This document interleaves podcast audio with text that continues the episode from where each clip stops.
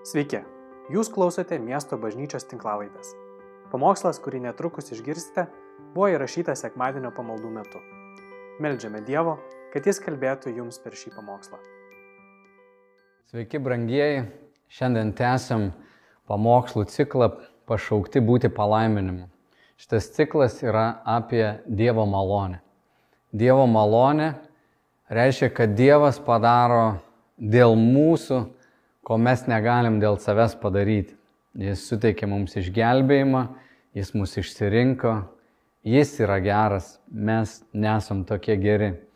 Ir aš kalbėjau pirmam pamokslė apie sandorą, Bromo sandorą, kaip Dievas užmygdė Bromą, kaip jis um, pats prisėmė visą atsakomybę už tą sandorą ir pats pažadėjo, kad jis palaimins Abromą, palaimins visus jo palikuonis ir per Jėzų Kristų mes visi tampam Abromo sandoros palikuonimis ir dalyviais. Ir šitas suvokimas, kad Dievas yra geras, kad Jis atlieka išgelbėjimą, o ne mes patys išgelbėjom save, yra be galo svarbus. Ir antroji daly kalbėjau apie Juozapo istoriją, kaip Juozapas gerai suvokė, kad Dievas turi planą, Jis yra režisierius. Ir kad netgi blogos situacijos, kurios tam tikrų metų mūsų gyvenime atrodo kaip nelaimės, tarsi Dievas jau nebelabai dalyvauja mūsų gyvenime, irgi yra Dievo plano dalis ir kad viešpats yra geras suspaudimuose, išmėginimuose, jo žvilgsnis, jo požiūris, jo palikuonis nesikeičia. Ir kad iš tiesų visoje Biblijoje mes matome, tikėjimo pagrindą, kad mes esame išteisinami tikėjimu. Abromas patikėjo Dievu ir tai buvo įskaityta jam teisumu. Tai tokia centrinė, esminė e, švento rašto vieta, kad jeigu tu nesuprasi šitos Evangelijos tiesos, Evangelija, geroji naujiena, jeigu tu to nesuprasi, tai štai kas gali tau atsitikti. Ateidamas į bažnyčią, tu ateini sėdi tarp tikinčiųjų žmonių, tu pradedi bendrauti, užsimesga draugystės. Ir tu girdi pamokslaujamą Dievo žodį apie meilę, apie, na, iš tikrųjų, gan aukštas standartas, kaip e, reikia gyventi dvasioje. Ir Jėzus ką mokė.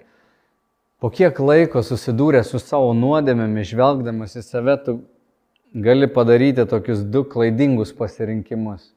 Vieną pagalvoti, kad tu esi niekam tikęs, Ir čia visi labai šventi, o tu nesi toks šventas, nes tu nuolat susipyksti su savo ten tėvais, tau sunku priimti žmoną galbūt, tu negali priimti savo vaikų, arba turi besikartojančias kažkokias nuodėmes.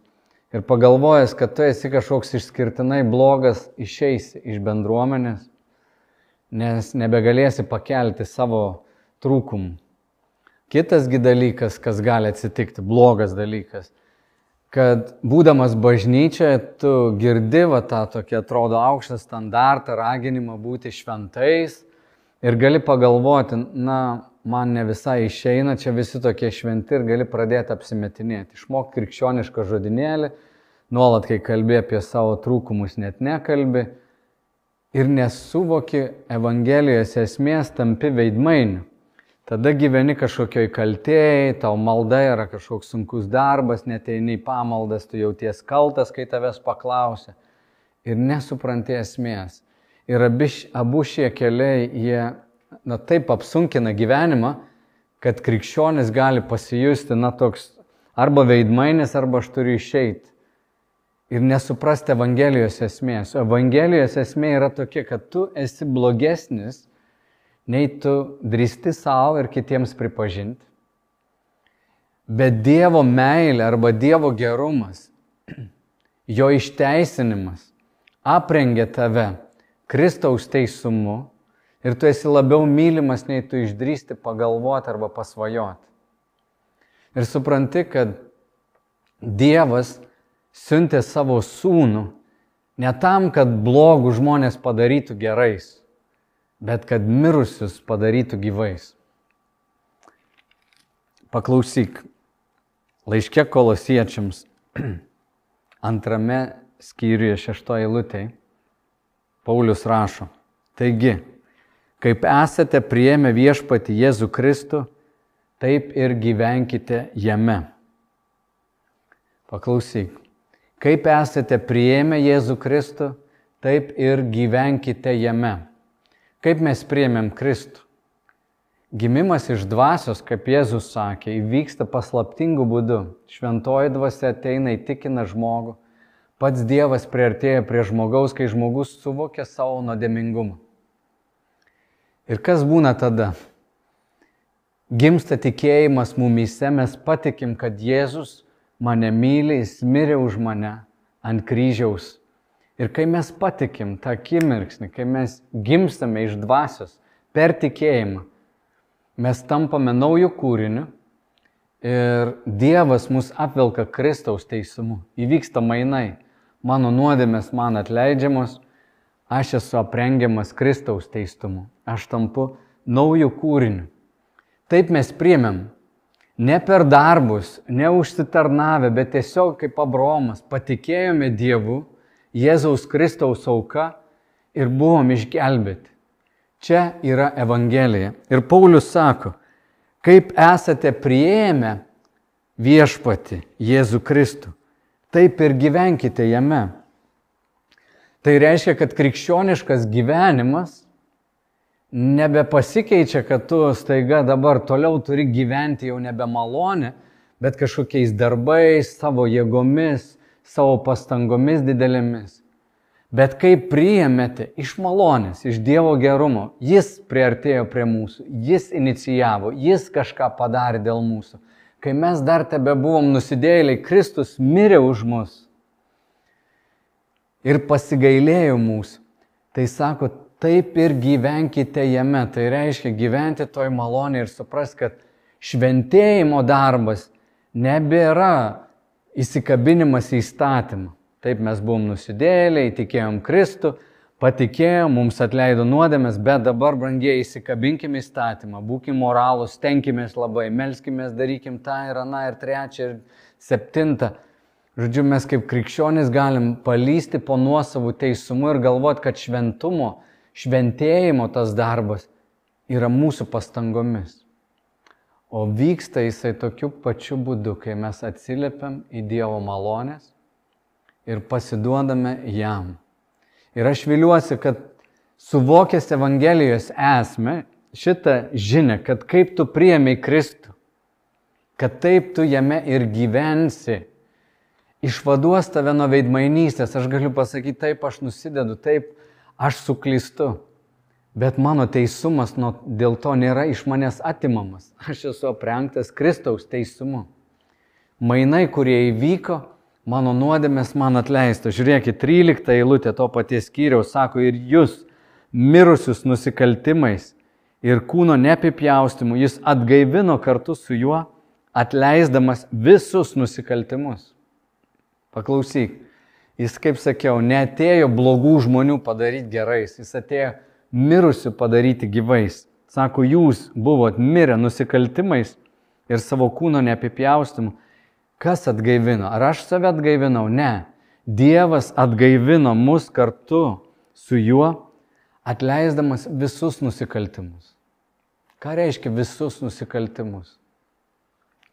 Tuos, kuriuos aš dariau, tuos, kuriuos aš darau ir dar tuos, kuriuos padarysiu. Viena auka ant kryžiaus mes esam pašventinti visiems laikam. Ką tai reiškia, eikim ir nuodėmiaukim, nes visos mūsų ateities nuodėmės atleistos.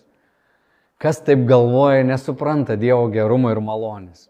Mums nereikia įkristi vėl į nuodėmę, lysti į purvą, į, į savo vėmalus senus, būti pavergtais nuodėmės, kai jau esame išlaisvinti. Žinoma, tai mūsų pozicijos su Kristumi nepakeis. Dievas pamilo mus ir myli, ir mylės, ir saugos, ir, ir bus šalia mūsų, bet įlindę į nuodėmę mes tiesiog, nu, kankinsim save, varginsim save. Dieve apsaugok nuo nuodėmės, bet teisumas nebus iš mūsų atimtas, išgelbimas nebus iš mūsų atimtas. Ir taip svarbu tai suprasti, nes be to į bažnyčią įeina įstatymas, nuostatos kažkokios žmonės sudaro sąrašą, kokios nuodėmės atleidžiamos, kokios ne, kokios toleruojamos, kokios ne. Ir tai taip išvargina žmonės. Tada mes pradedam balsuoti, kas gali būti bažnyčia, kas ne. Tas vat rūko. Rūko du, me, du metai. Jis jau nebeturėtų rūkyti. Na, jeigu jisai toliau rūkys, tai mes metam jį lauk. Ir taip toliau. Ir tai yra Evangelijos nesupratimas. Absoliutus Evangelijos nesupratimas. Aš noriu Jums parodyti šventojo rašto, kad net nuo pat pradžių, net nuo pat pradžių, Senajame testamente, netgi Mozės visoje istorijoje, Dievas buvo tas, kuris veikė Izraelio tautoje. Ir perskaitysiu nemažai eilučių, bet noriu, kad tu pamatytum, kad Senajam testamente irgi Mozė gyveno tame tikėjimo polsyje. Kad iš tikrųjų net įstatymas, kuris atėjo į Izraelio tautą, kurį Dievas davė, buvo tik laikina priemonė. Bet Dievo gerumas visada juos lydėjo. Taigi išeimo knygoje antrame skyriuje mes skaitom apie pašaukimą Izraelio tautos. Tai vienas reikšmingiausių įvykių, kai Dievas iš vergystės išveda savo tautą. Jis pažadėjo Abraomui ir sakė, kad tavo palikuonis kenties bus prispausti 400 metų. Ir štai antrame šeimos knygos skyriuje pasakyta, antras skyrius, 24 eilutė, Dievas išgirdo jų vaitojimą ir atsimenė savo sandorą su Abraomu, Izaoku ir Jokūbu. Ir Dievas pažvelgė Izraelio vaikus ir ėmė jais rūpintis. Paklausyk. Dievas prisiminė sandorą, mato savo tautos kentėjimą ir jis ima jais rūpintis. Ir mes žinom Mozės istoriją, Dievas prieina prie Mozės, pašaukia Mozę ir sako, Mozė, noriu, kad tu eitum pas mano tautą ir išvestum juos iš Egipto, iš vergystės. Mozė atsakė Dievui, trečias skyrius, vienuolikta eilutė, kas aš, kad eičiau pas faraono ir išveščiau iš Egipto izraelitus. Dievas atsakė, aš būsiu su tavimi. Štai ženklas, kad aš tave siunčiu. Kai išvesi tautą iš Egipto, jūs tarnausite Dievui ant šito kalno. Žiūrėkit, ką Dievas pažada. Jis Mozė sako, Mozė, aš būsiu su tavimi. Išgirsiu tuos žodžius. Dievas sako ir mums, kaip Abromo palikuonėms per Jėzų Kristų, jisai sako, aš būsiu su tavimi. Jėzus mokiniams pasakė, aš esu su jumis per visas gyvenimo dienas. Dievas yra už mus su mumis. Dievas matė savo tautos kentėjimą, sako, aš jais rūpinsiuos, aš prisiminiau šitą sandorą. Ir žiūrėkit, tame pačiame trečiame skyriuje 21 eilutė sako, ir suteiksiu šiai tautai malonę egiptiečio akise, kad jūs neišeisite tuščiomis rankomis. Kiekviena moteris paprašys savo kaimynės ir savo įnamės sidabrinių bei auksinių indų ir drabužių, juos uždėsite ant savo sunų ir dukterų ir taip išsinešite egiptiečių turtus. Mes žinome, kad Egiptas buvo be galo turtingas, tai didžiausia imperija tuo metu Ir Dievas sako, aš duosiu jums net išsinešti visą Egipto turtą. Žiūrėkit, kokia malonė. Ką padarė žmonės? Užduok savo tą klausimą. Ką darė žmonės? Nieko. Jie kentėjo, jie vaitojo, jie šaukės. Dievas sako, aš pasirūpinsiu, Moze, būsiu su tavimi ir aš išvesiu šitą tautą ir atiduosiu viso Egipto turtus. Na tai yra tikrai labai daug. Šeštame skyriuje Dievas dar sako, ką jis padarys. Antroji lūtė. Dievas kalbėjo Mozė, aš esu viešpats. Aš pasirodžiau Abromui, Izaokui ir Jokūbui kaip Dievas visagalis. Tačiau savo vardu viešpats jiems neapsireiškiau. Aš įtvirtinau su jais sandorą, norėdamas jiems duoti Kanano šalį, kurioje jie buvo tėviai. Ir aš išgirdau Izraelio vaikų, kuriuos yra pavergę egiptiečiai vaitojimą, atsiminiau savo sandorą Todėl sakyk izraelitams, kad aš esu viešpats, aš jūs išvesiu iš egiptiečių priespaudos, išlaisvinsiu iš vergystės ir išgelbėsiu jūs savo ištiestą ranką ir dideliais teismais. Aš, klausyk, kiek kartų Dievas sako, aš, aš, aš, aš jūs priimsiu, kad būtumėte mano tauta. Aš būsiu jūsų Dievas, kad žinotumėte, jog esu viešpats, jūsų Dievas, kuris jūs išvedė iš egiptiečių vergyjas. Aš nuvesiu jūs į šalį, kurią pažadėjau duoti Abraomui, Izaokui ir Jokūbui. Ja duosiu jums paveldėti, nes aš esu viešpats. Ar girdi? Dievas toliau duoda pažadus ir sako, aš padarysiu, aš padarysiu, aš padarysiu. Ką jis sako daryti žmonėm, pakol kas nieko. Jokių įsakymų, jokių nuopelnų. Nieko. Dievas sako, aš prisiminiau sandorą, aš pats su jais sudariau sandorą su Abromu, Izaoku ir Jokūbu. Ir jūs toliau laiminsiu.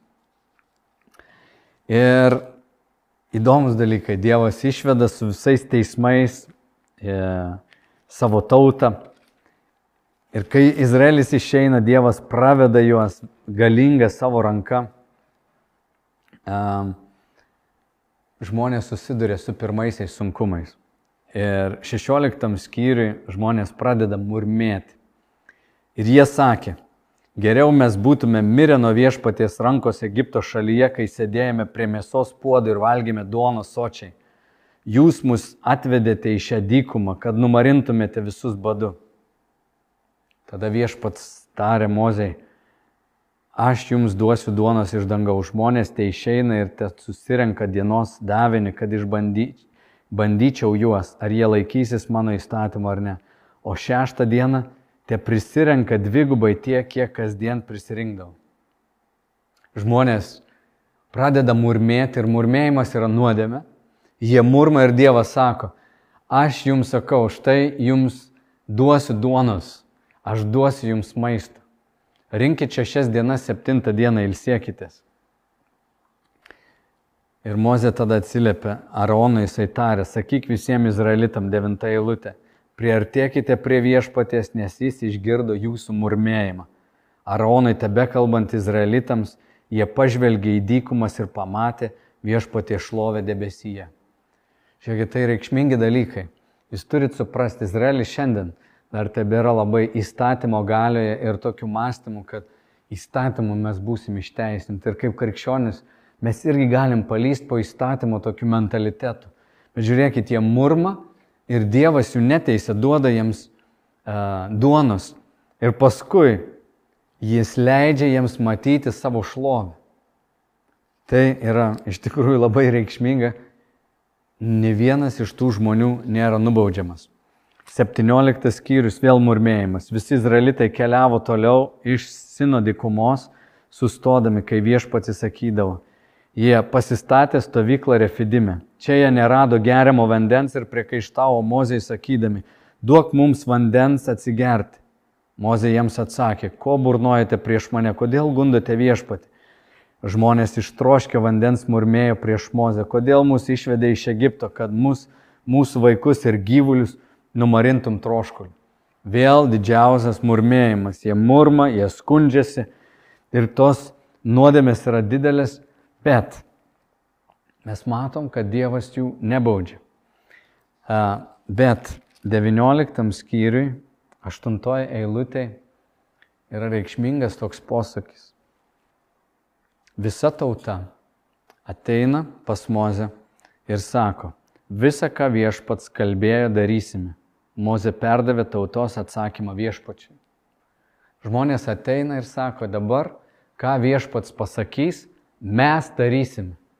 Prieš tai Dievas sako, aš darysiu, aš išvesiu, aš duosiu turtus, aš apsaugosiu, aš jūs laiminsiu. Dabar žmonės sako, 19 skyrius, 8 eilutė, visą, ką viešpats sako, mes darysime. Žodžiu, mes pažadame klusnumą, panašiai kaip Petras. Viešpatė, aš ir į mirtį su tavimiais, aš tau pažadu, aš būsiu tau ištikimas. Ir tai yra žmogiška prigimtis, ta mūsų natūra. Mes sakom, Dieve, dabar tai tikrai, dabar tai tikrai padarysiu dėl tavęs viską, aš pasišvenčiu tau, aš, atsi, aš dabar tarnausiu tau, aš dabar melžiuosi, aš dabar darysiu tą. Ir čia žmonės pasižada. Ir kas įvyksta 20 skyriui, jau kitam skyriui Dievas duoda jiems įstatymą. Jis duoda jiems įstatymą, žmonės išgirsta įstatymą ir pasižada, kad jį jie vykdys. Ir kai duodamas įstatymas pasikeičia tarsi Dievo tonas, nes jis pasako, dabar jūs nebesiartinkit prie manęs. Prie kalno neikit, net vyresnėji tegul neina. Jeigu eis koks gyvulys prie kalno, Štai atsiranda atstumas. Ir Dievas įveda įstatymą ir įstatymo sandorą, kuris skamba taip, jeigu vykdysite viską, ką įsakau, būsit palaiminti, jeigu nevykdysite, būsite prakeikti. Ir kiek daug šiandien aš girdžiu iš brolių ir šią savaitę girdėjau. Pala, taip mes įtikėjom Kristų, viskas gerai, bet klausyk, jeigu tu darysi blogą, tu būsi prakeiktas, jei darysi gerą, tu būsi palaimintas. Ir tas mąstymas yra labai gilus mumyse. Kai tik jie tą pradeda daryti, iš karto prasideda ir bausmės. 32 skyriui, 28 eilutė. Mozės iš karto tie atnešti žodžiai, kaip našta užkrenta ant visų. Ir jie pradeda kvailioti, jie pasidaro patys savo stabą. Ir 28 eilutėje sako, levitai padarė, kaip Mozė sakė, tą dieną krito maždaug 3000 žmonių pirmos bausmės, kada miršta žmonės. Murmėjimas yra nuodėmė, skundimasis prieš viešpatį yra nuodėmė ir iki įstatymo žydų tauta yra išvedama iš Egipto ir paklausyk, labai reikšmingas dalykas. Ne vienas žmogus ne, nebuvo nubaustas, ne vienas nemirė. Kiek aš žiūriu šventą raštą, čia kiek skaitau komentarų, ne vienas žmogus nemiršta, jie išeina, a, iš tikrųjų yra palaiminti. Po įstatymu prasideda bausmės. Ir Dievas baudžia savo tautą. 33 eilutė jisai sako, viešpats jam atsakė, kas man nusideda, tą išbrauksiu iš savo knygos, todėl eik ir vesk tautą, kurią tau įsakiau. Mano angelas eis pirma tavęs, o kai laikas ateis, aš juos nubausiu už jų nuodėmę.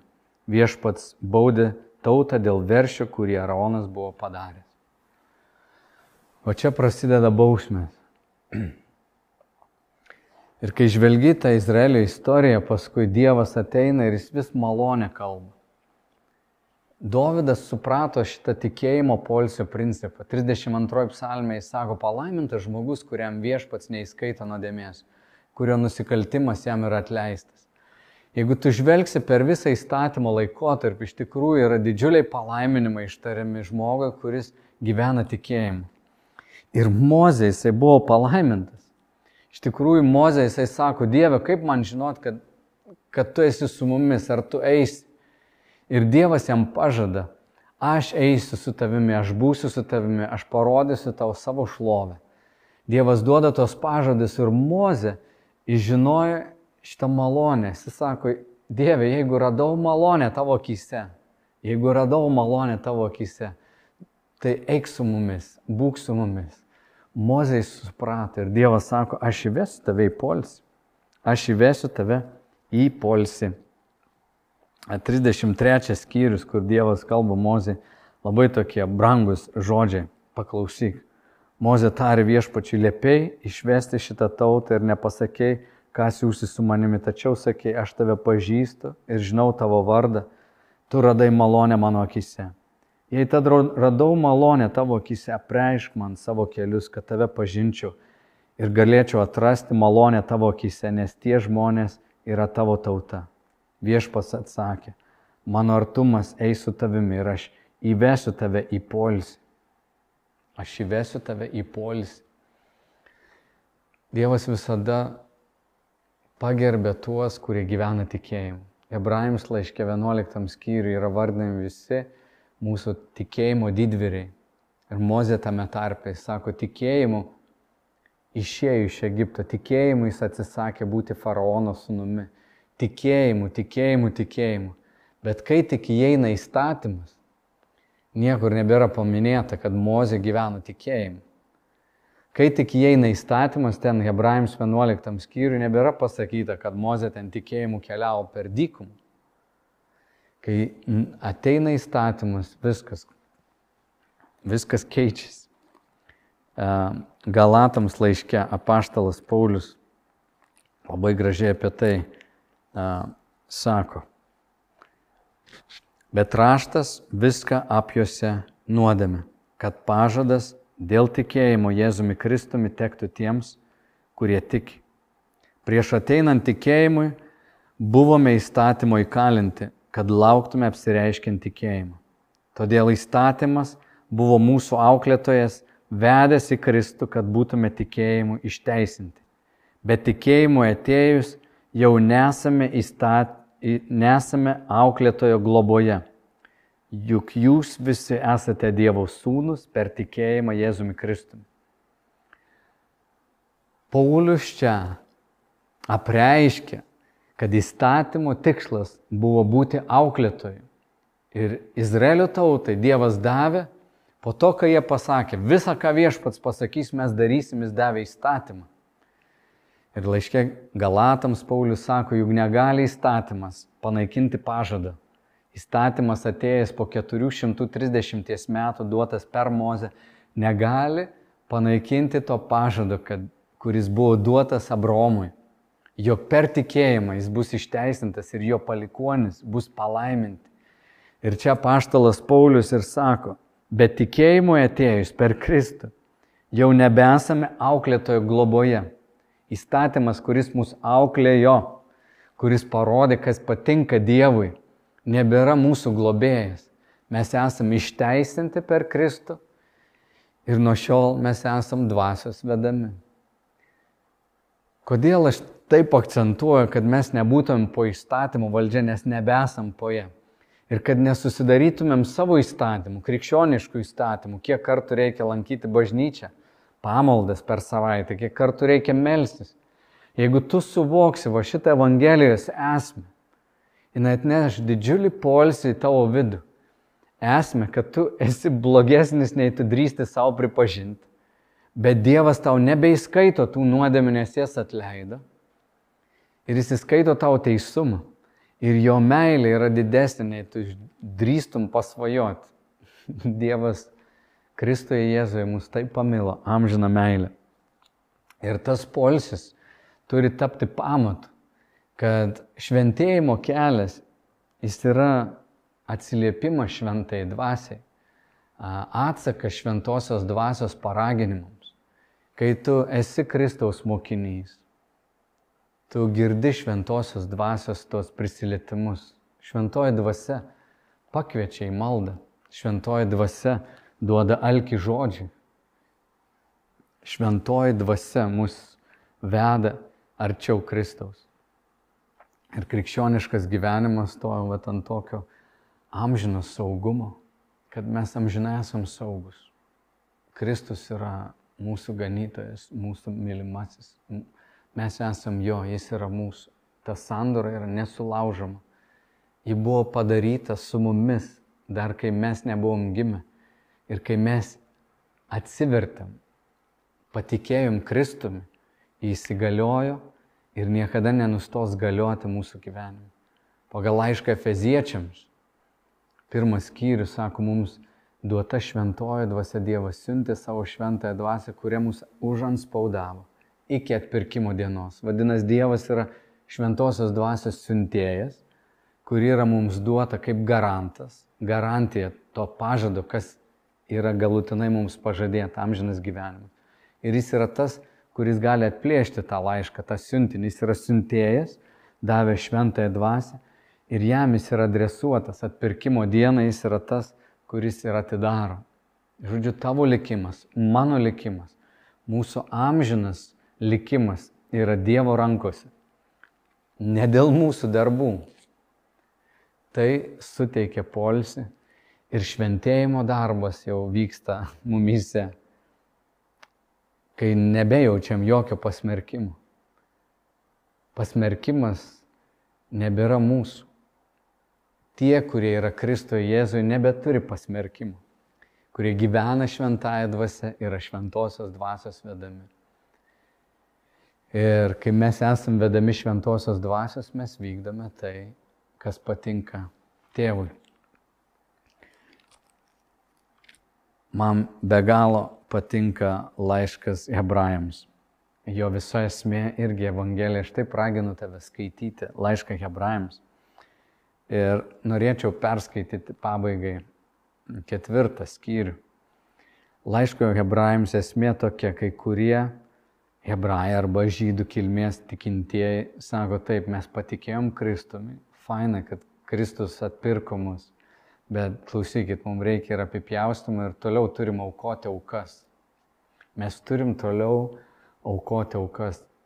Ir autorius čia sako, Dievo dvasia užrašė tuos žodžius, kad jeigu jūs toliau laikysitės įstatymą, aukosite aukas, jūs paniekinsite Kristų kaip vienintelę auką, vienintelę auką, kuri yra amžiams vieną kartą visiems laikam paukot. Štai kodėl aš negaliu priimti Kristaus aukojimo vėl ir vėl. Aš negaliu priimti aukojimo, kuris įvyksta per arba tas mišios, ar Euharistijos, ar nešventimas. Aš tiesiog matau, kad Kristus vieną kartą visiems laikam buvo paukotas ir polsis ateina į mūsų sielą per tą vieną auką, už kurią mes dėkojam. Mes švenčiam viešpaties vakarienę, mes valgom tos duonos ir geriam iš taurės, švesdami jį bet mes nieko neaukojam. Um, taigi laiškė Hebrajams ketvirtam skyriui čia pasakyta, todėl, kol tebe galioja pažadas įeiti jo polsi, bijokime, kad kuris nors iš jūsų nepasirodytų pavėlavęs. Mums, kaip ir jiems, buvo skelbta Evangelija, jisai kalba apie žydų tautą, kad Evangelija jiems irgi buvo skelbta, jog teisusis gyvens tikėjimu. Bet išgirstas žodis neišėjo jiems į naudą, nes nebuvo sujungtas su girdėjusiu tikėjimu. O mes, įtikėjusiai, einame į tą polsį, kaip jo pasakyta. Aš prisiekiau savo rūstybę, jie neįeis į mano polsį, nors darbai buvo užbaigti nuo pasaulio sutvėrimo. Dievo vinėlis, Kristus, paukotas prieš pasaulio sukūrimą, Dievo proteto auka jau įvykusi. Jis vienoje vietoje pasakė, kad septintą dieną apie septintą dieną. Septintąją dieną Dievas ilsėjusi po visų savo darbų. Ir vėl anoje vietoje jie neįeis į mano polsį. Kadangi kai kuriems belieka įeiti, o tie, kuriems pirma buvo paskelbta Evangelijai, neįėjo dėl neklusnumo, neklusnumo tikėjimui, jis vėl nustato tam tikrą dieną po tiek daug laiko kartodamas Davido lūpomis. Šiandien kaip ir buvo pasakyta, šiandien jei išgirsit jo balsą, neužkietinkit savo širdžių. Ir šiandien visada yra šiandien. Šiandien nėra vakar, šiandien nėra rytoj, šiandien yra šiandien. Ir jisai sako, kad tas pažadas tebe galioja įeiti į jo polsį. Jeigu Jozuė būtų juos įvedęs į polsį, Dievas nebūtų po to kalbėjęs apie kitą dieną. Taigi sabato polsis tebe pasilieka Dievo tautai. Nes kas įeina į jo polsį, taip pat ilsis po savo darbų, kaip Dievas ilsėjos po savųjų. Tad stenkimės įeiti į tą polsį, kad niekas nenupultų sekdamas ano neklusnumo pavyzdžių. Kiti vertimai sako, ano netikėjimo pavyzdžių. Apie ką čia kalbam? Apie tai, kad mes savo sielos polsį turime, statydami savo gyvenimą ant Kristaus aukos. Jiems buvo paskelbta Evangelija, jie patyrė Dievo malonę, Dievo gailestingumą, išvedimą iš Egipto. Bet paskui sako, dabar mes vykdysim viską, ką tu mums pasakys. Ir Dievas davė jiems įstatymą kaip auklėtoją. Ir nesupratę tikėjimą, jog Dievas išteisina, jie liko tame neklusnume. Jie murmėjo, už tai buvo baudžiami. Ir jūs žinot, kad 40 metų jie klaidžioja. Ir Dievas sako, tai kitas sprendė kartą, jie visi turėjo išmirti.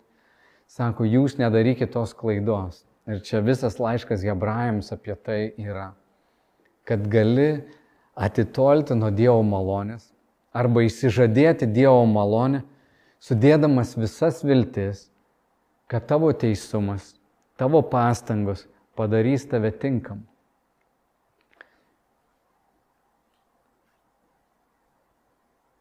Evangelijos suvokimas atneša tikrą polisį patraukia kaltę, kuri natūraliai pas mus visus išlenda. Ir suteikia tikrą tokį džiaugsmą.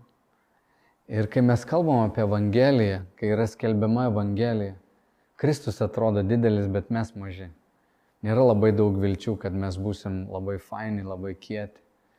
Ir kartai žmonės išorė, kai žiūri iš išorės į bažnyčią, galvoja, kad čia yra skelbama moralė, čia yra, čia yra, kur yra reformuojami žmonės. Dievas iš blogų daro žmonės gerais. O Evangelijos esmė, kad Dievas mirusius padaro gyvais. Ir per šventosios dvasios darbą mumise Kristus vis didėja, šventoji dvasia mūsų žadina šventumui ir tai yra atliepis mūsų atsiliepimas į Dievo kvietimus. Todėl supratęs Evangeliją, tu gali būti palaiminimu ir kitiem. Taip tu gali išmokti atleisti, taip tu gali išmokti priimti tą, kuris dar nėra tobulas. Taip bažnyčia galim išpažinti savo nuodėmės, nebijoti ir nesislėpti, nes mūsų teisumas yra kaip purvinis karmalai. Ir mes tada giriamės Kristum Jėzumi. Štai tokia bažnyčia gali būti persikiška bažnyčia, kurioje uh, iš tikrųjų galim priimti bet ką, pakviesti bet ką. Uh, nuodėmingiausią žmogų, blogiausią žmogų, tas, kuris miręs per netikėjimą, netiki Kristumi, gali būti atgaivintas ir tapti naujų kūrinių. Tokiai misijai mes esam pašaukti, šitą Evangeliją mes esam pašaukti skelbti. Neblogų žmonės paversti gerais, bet mirusiem pasakyti, kad Kristus gali juos atgaivinti, atstatyti ir tada jų gyvenimą atpirkti, atnaujinti, palaiminti, atleisti, duoti meilės, kurios nebuvo. Tokiam gyvenimui mes esam pašaukti. Ir aš meldžiu te Dievo malonę būna su jumis ir te šventosios dvasios apreiškimo šviesa duoda jums suvokti šitos žodžius, kad jūs būtumėt laisvi, kad jūs gyventumėt be pasmerkimo ir žinotumėt, kad esat mylimi dabar ir per amžius. Amen. Ačiū, kad klausėte. Daugiau informacijos apie miesto bažnyčią rasite internete www.m-b.lt arba Facebook, Instagram bei YouTube paskiruose.